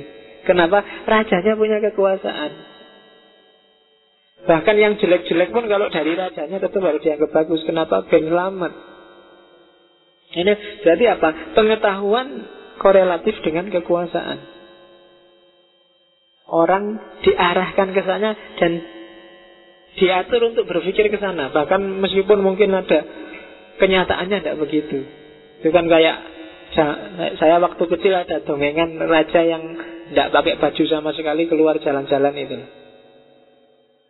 Jadi ada pokoknya mungkin semacam anak buahnya apa stafnya yang curang Raja itu sebenarnya nggak dikasih baju apa-apa, dikasih baju, baju fiktif aja terus dipuji. Wah oh, raja bajunya bagus sekali, indah sekali saya lihat. Ini luar biasa bajunya. Begitu keluar nggak pakai apa-apa. Jadi ya kaget rajanya. Duh rajaku kok polos. Tapi karena takut dianggap nggak pintar terus bilang, wah rajaku bajunya bagus sekali luar biasa. Semua bilang gitu kecuali anak kecil-kecil. Loh rajanya kok nggak pakai baju. Jangan-jangan kita sekarang kayak gitu semua. Karena ini dianggap intelektual, terus ngerti filsafat, filosof, maka tiap hari kamu ngomong bau filsafat terus. Eksistensi kita harus diperjelas lagi. Ya, terus. Padahal jelas sekarang apa. Karena kamu merasa ini sekarang yang berkuasa. Rezim filsafat ini sekarang. Kalau enggak dianggap deso aku sekarang. Iya, jadi kalau enggak kayak gitu dianggap enggak waras. Masa ada mahasiswa kok enggak kritis? Mahasiswa kok enggak filosofis? Ya, enggak keren. Jadi ngomongnya harus pakai eksistensi, esensi, paradigma. Oh, jenis-jenis itulah. Itu sejarah kegilaan. Jangan-jangan kita gila semua sekarang. Ya, jadi yang kita anggap waras ternyata nggak waras. Ada ada beberapa kisah sufi yang yang ternyata gendeng kabeh. Tinggal satu orang yang tidak gila tapi dia tidak kuat akhirnya. Kalau saya waras sendirian, akhirnya juga berat. Wis, mending gila sekalian dan lengkap sudah tidak ada yang tidak gila sekarang semuanya sama. Oke, Termasuk yang dicontohkan oleh Foucault adalah seksualitas. Jadi, dia nulis secara khusus tentang sejarah seksualitas. Menurut Foucault ada perkembangan loh, jangan salah. Ya tabu-tabu seksual.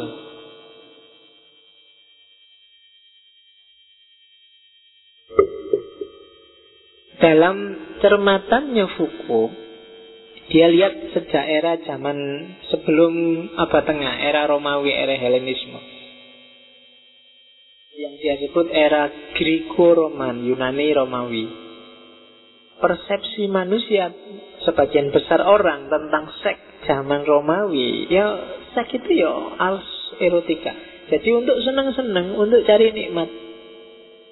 Terserah kamu mau main seks sama siapa asal tanggung jawab asal hati-hati dengan segala resikonya wis itu dok orang bebas mau ngapain aja sama siapa aja asal nggak saling menyakiti kan itu yang banyak dipakai di barat hari ini itu prinsip ars erotika seksualitas. Jadi, mbok kamu gonta-ganti pasangan tidak apa-apa asal antara udin. Sama-sama ridho, sama-sama ikhlas. Tidak masalah. Ya sekaligus include di sana siap nanggung semua resikonya. Berpegang teguh pada prinsip kewaspadaan itu bahasanya fuku.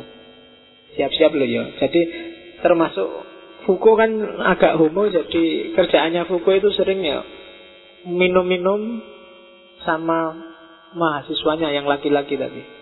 Jadi dia kan pecandu. Suka narkoba, suka heroin. Makanya tadi tak bilang secara person tidak harus ditiru. Si Fuku ini meskipun pikiran-pikirannya luar biasa. Jadi ya mungkin kalau sekarang kayak kemarin profesor pembantu rektor yang ditangkap itu kan itu kan juga sedang nyabu sama mahasiswa-mahasiswanya. Cuma bedanya dia nggak memproduksi pikiran-pikiran besar. Ya. Meskipun gelarnya profesor, kalau Foucault memproduksi pikiran-pikiran besar. Nah, karena Foucault juga mungkin pakai prinsip ah yang bagus kayak era Greco-Roman. Monggo yang penting kamu cari seneng-seneng mau sama perempuan sama laki-laki yang penting nggak menyakiti dan saling ikhlas dengan segala akibatnya. Jadi lillahi ta'ala. Jadi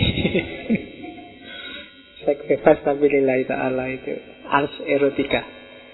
Itu zaman Greek, zaman Romawi. Terus muncul agama-agama besar seperti Kristen dan gereja dan Islam dan Yahudi. Nah ini mulai seks jadi tabu. Seks jadi sakral. Jangan ngomong yang gitu-gitu di tempat umum. Kalau ngomong itu bisik-bisik aja. Atau gantiin istilahnya yang agak remeng-remeng. Karena dia sesuatu yang sakral. Nah, itu kan terus orang ini yang semula terbuka lebar-lebar sekarang jadi sangat rapat. Diintip aja nggak boleh. Kecuali miliknya sendiri. Atau yang pasangannya yang sah. Saya tidak tahu kalau di Islam ada beberapa sahabat yang konon ceritanya nggak pernah melihat alatnya termasuk miliknya sendiri. Ya, Ya enggak tahu saya. Kalau saya kok susah membayangkan Loh kalau pipis juga Kalau bersuci juga susah ya Kalau enggak dipegang. Enggak dilihat. Loh lah iya kan itu secara praktek membayangkannya agak berat kalau nggak lihat sama sekali. Ganti baju kan ya nyopot. Ngelirik dikit masa enggak?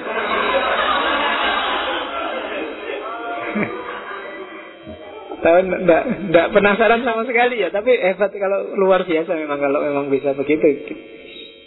Yang jelas saya enggak bisa niru ya susah ya. Apalagi di hotel-hotel sekarang kamar mandinya mesti kaca. Mesti gambari lah ya mantul mesti.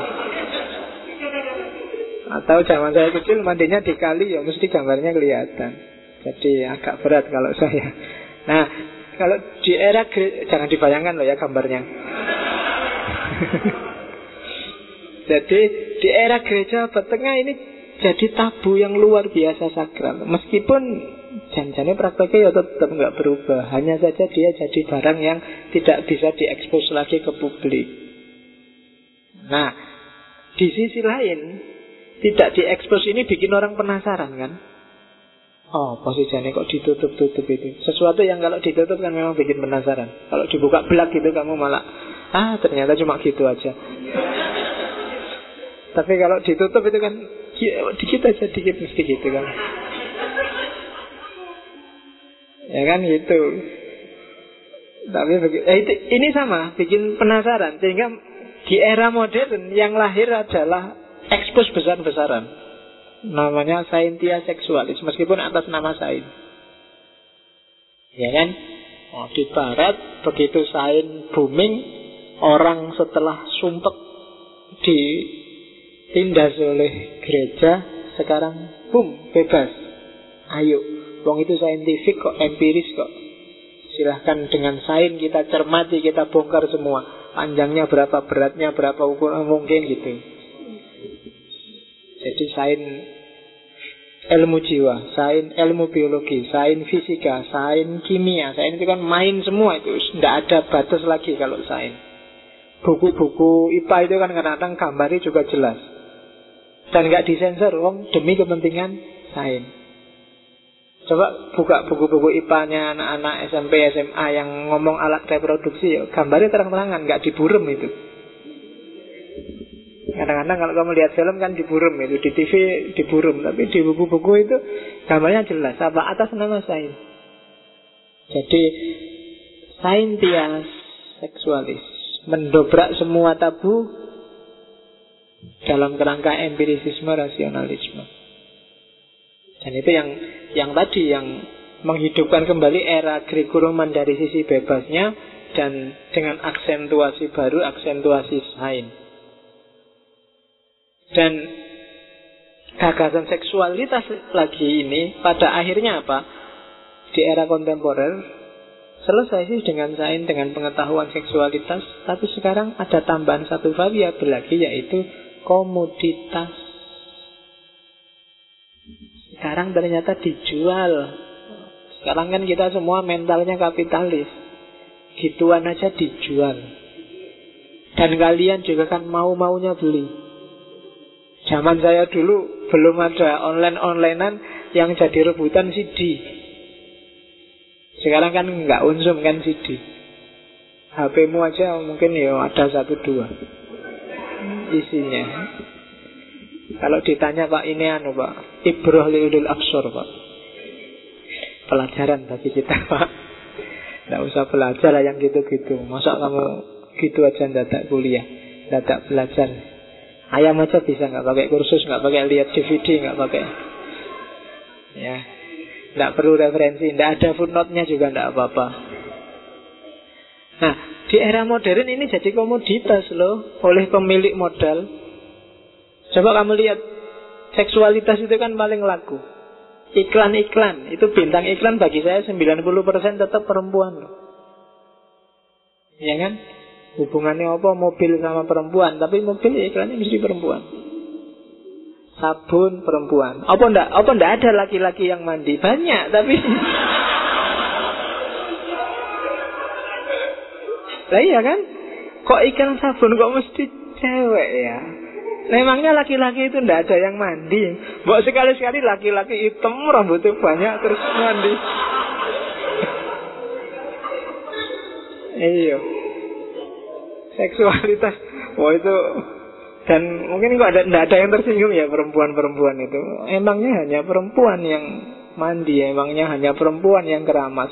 Kok rambutnya mesti rambut panjang perempuan? Kok sekali-kali rambut panjangnya cowok-cowok itu di iklan kan bagus juga. Tapi itulah komoditas orang cuma lihat pasar. Yang penting laku dijual, kayak apa aja saya tidak apa-apa. Jadi ternyata seksualitas juga tidak sederhana dia epistem-epistem logika-logika masyarakat tentang seksualitas juga berkembang. Zaman dulu, zaman saya kecil, kalau ada orang pacaran itu hebohnya luar biasa. Saya yang kecil aja kalau ada orang gandengan berdua, wah pacaran nih, pacaran nih gitu. Sekarang kan kamu nggak kaget, biasa aja orang pacaran. Mojok juga biasa aja, nggak kaget. Tapi sebelum itu kamu bisa shock. Wah saya dulu di Begitu ke Singapura, jadi di Singapura itu lampu merahnya agak lama. Mau nyebrang jalan nunggu lampu hijau untuk nyebrang. Di depanku cowok sama cewek sambil nunggu itu rangkul-rangkulan gini. Wah, saya harus istighfar tiap hari. Sayangnya saya zaman itu masih belum punya HP yang bisa pakai moto. Dan itu kan shock. Kenapa? Epistemku masih nggak kayak mereka. Kalau sekarang mungkin biasa ternyata gitu. Bisa cari yang lebih dasar dari itu ya kan? Tapi dulu kagetnya luar biasa. Zaman dulu di kampung boncengan cowok sama cewek itu rame orang sak kampung. Sekarang nginep itu loh biasa-biasa aja. Ah biasa aja nginep ya mungkin belajar bersama. Iya. Lo belajar bersama kok sampai jam 3 subuh. Lo itu ya dilanjutkan tahajud bersama. Oke. Okay. Tahajud kok sujud terus ya nggak ada berdirinya. Oke. Dilanjutkan lagi ngomong apa itu.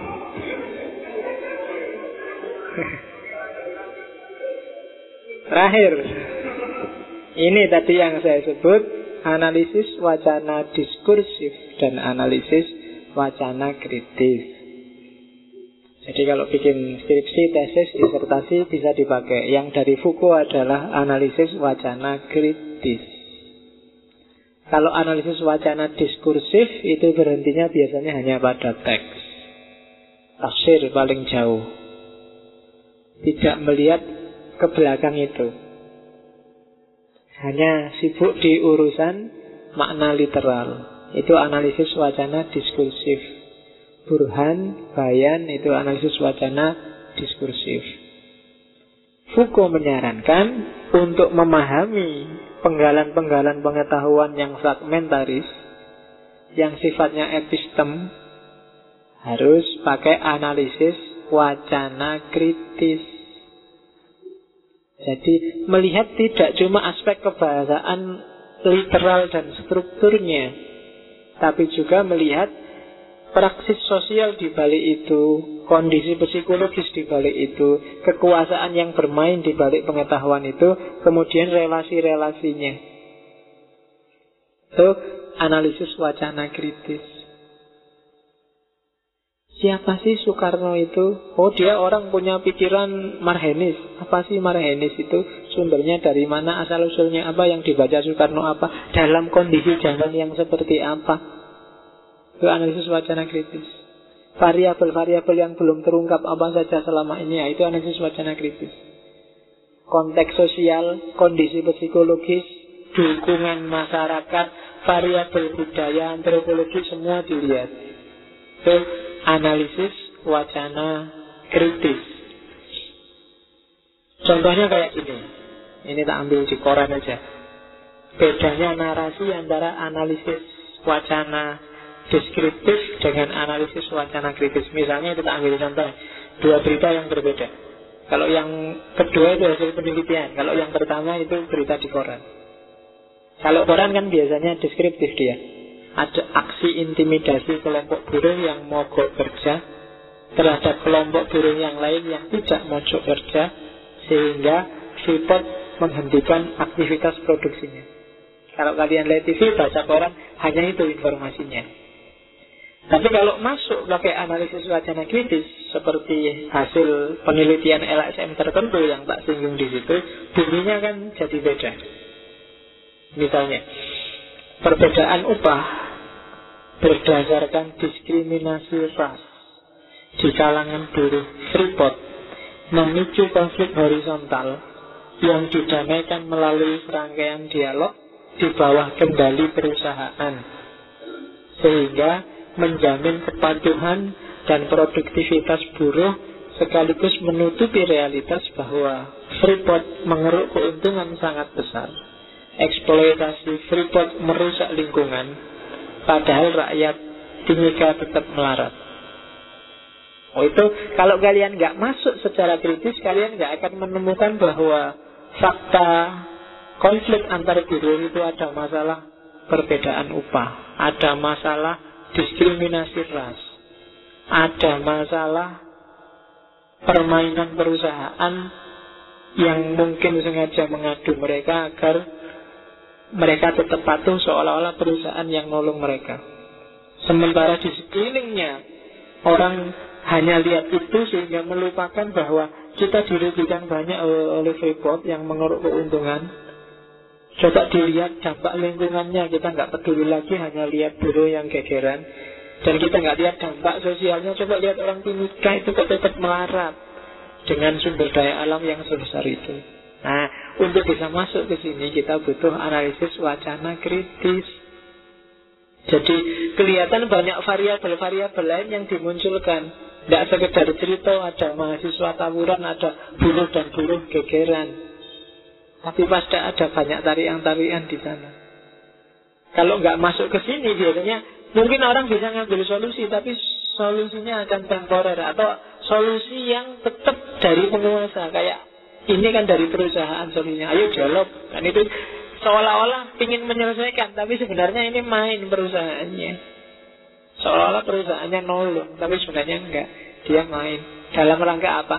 Melanggengkan kekuasaannya, menjamin kepatuhan para buruh ini. Nah, itu analisis wacana kritis namanya. Dari Foucault. Nanti di beberapa buku dia nulis agak panjang lebar. Oke, terakhir secara global langkah analisis wacana kritis itu itu. Yang pertama, seleksi topiknya. Jadi dipilih temamu apa, setelah itu pendalaman data, termasuk yo kamu harus seandainya lapangan berarti juga harus ke lapangan, kumpulkan informasi sebanyak-banyaknya, terus klaster-klasterkan, identifikasi tema. Oh ini sisi sosialnya, ini sisi psikologisnya, oh ini sisi itu. Jadi perjelas semua variabel yang bisa kamu akses. Ada bosnya, ada stafnya, ada masyarakat, ada organisasi buruh, ada itu variabel-variabel. Terus setelah semuanya terkumpul jelas, coba cek lagi. Jangan-jangan ada unsur-unsur wacana yang tersembunyi dan nggak kelihatan. Jangan-jangan ada dalangnya. Jangan-jangan ada yang bermain nggak kelihatan. Jangan-jangan ada faktor mungkin agama, mungkin budaya, mungkin tradisi, atau mungkin budaya luar yang ingin mempengaruhi. Semua faktor harus dipertimbangkan, termasuk yang tersembunyi. Kadang-kadang yang tersembunyi justru menentukan. Hipotesiskan aja unsur-unsur wacana yang absen. Terus kalau yang kelihatan dan yang tersembunyi sudah terstruktur, sudah terdokumentasi dengan baik, baru kita cari relasi-relasinya. Oh, yang ini mendominasi yang ini, yang ini hanya ikut saja, yang ini terus sampai ketemu semuanya. Dan kontekstualkan maknamu. Nah, kayak tadi kesimpulan terakhir itu kan mengkontekstualkan. Nah, berarti kesimpulannya dari hasil relasi-relasi ini berarti sebenarnya yang main ini perusahaan yang jadi dalang atau skenario ini perusahaan. Meskipun yang mencuat keluar adalah konflik antar buruhnya. Itu namanya analisis wacana kritis. Kasus apalah apa saja bisa. Kenapa BBM dari naik jadi turun? Kenapa air Asia dari urusan bencana sekarang jadi urusan administrasi? Kenapa? Itu kalian bisa masuk apa yang terjadi dengan KMP dan KIH itu kalian bisa masuk ke sana cari semua variabelnya dan cari relasinya sehingga akan ketemu bahwa ah, selama ini kita dibohongi banyak yang seperti itu karena selama ini kan informasi utama kita kan TV atau internet kadang-kadang pikiran kita sesuai dengan komentar-komentar yang ada di satu berita. Padahal komentar itu kadang-kadang juga disetir. Kadang-kadang yang punya media sendiri bikin sekian puluh, sekian ratus akun untuk mengomentari tulisannya sendiri dalam rangka menggiring opini wong dia juga punya kepentingan. Nah, itu kalau ada kayak gini diangkat semua sampai ketahuan oh ternyata struktur permasalahannya seperti ini. Nah itu analisis wacana kritis. Ya detailnya ya banyak di buku-buku silahkan dikejar sendiri. Oke, ada pertanyaan? Alhamdulillah ya, nggak ada. Ya pertanyaan boleh online, nggak apa-apa. Kalau jawabannya nggak berkenan ya sorry nggak sengaja. Ya bisa saya cuma ini. Oke, minggu depan kita akan ngomong Insya Allah ya, kita ketemu Sopoyo Pierre Bourdieu Sosiologi kritis Ya, kita lihat ada apa di Bourdieu Kalau masih kuat, mungkin Cosmo akan saya tambah dua lagi Yaitu yang Bourdieu dan yang terakhir mungkin Paul Ricoeur Semoga Oke, saya akhiri sekian. Silahkan dicari dan dikejar sendiri hikmah apa dari pikiran-pikirannya Foucault. Yang tidak cocok ya tidak harus dipakai. Karena ini sebenarnya alternatif-alternatif dari wacana besar yang diangkat oleh Foucault. Saya akhiri sekian. Wallahul muwafiq. Wallahu a'lam bishawab. Wassalamualaikum warahmatullahi wabarakatuh.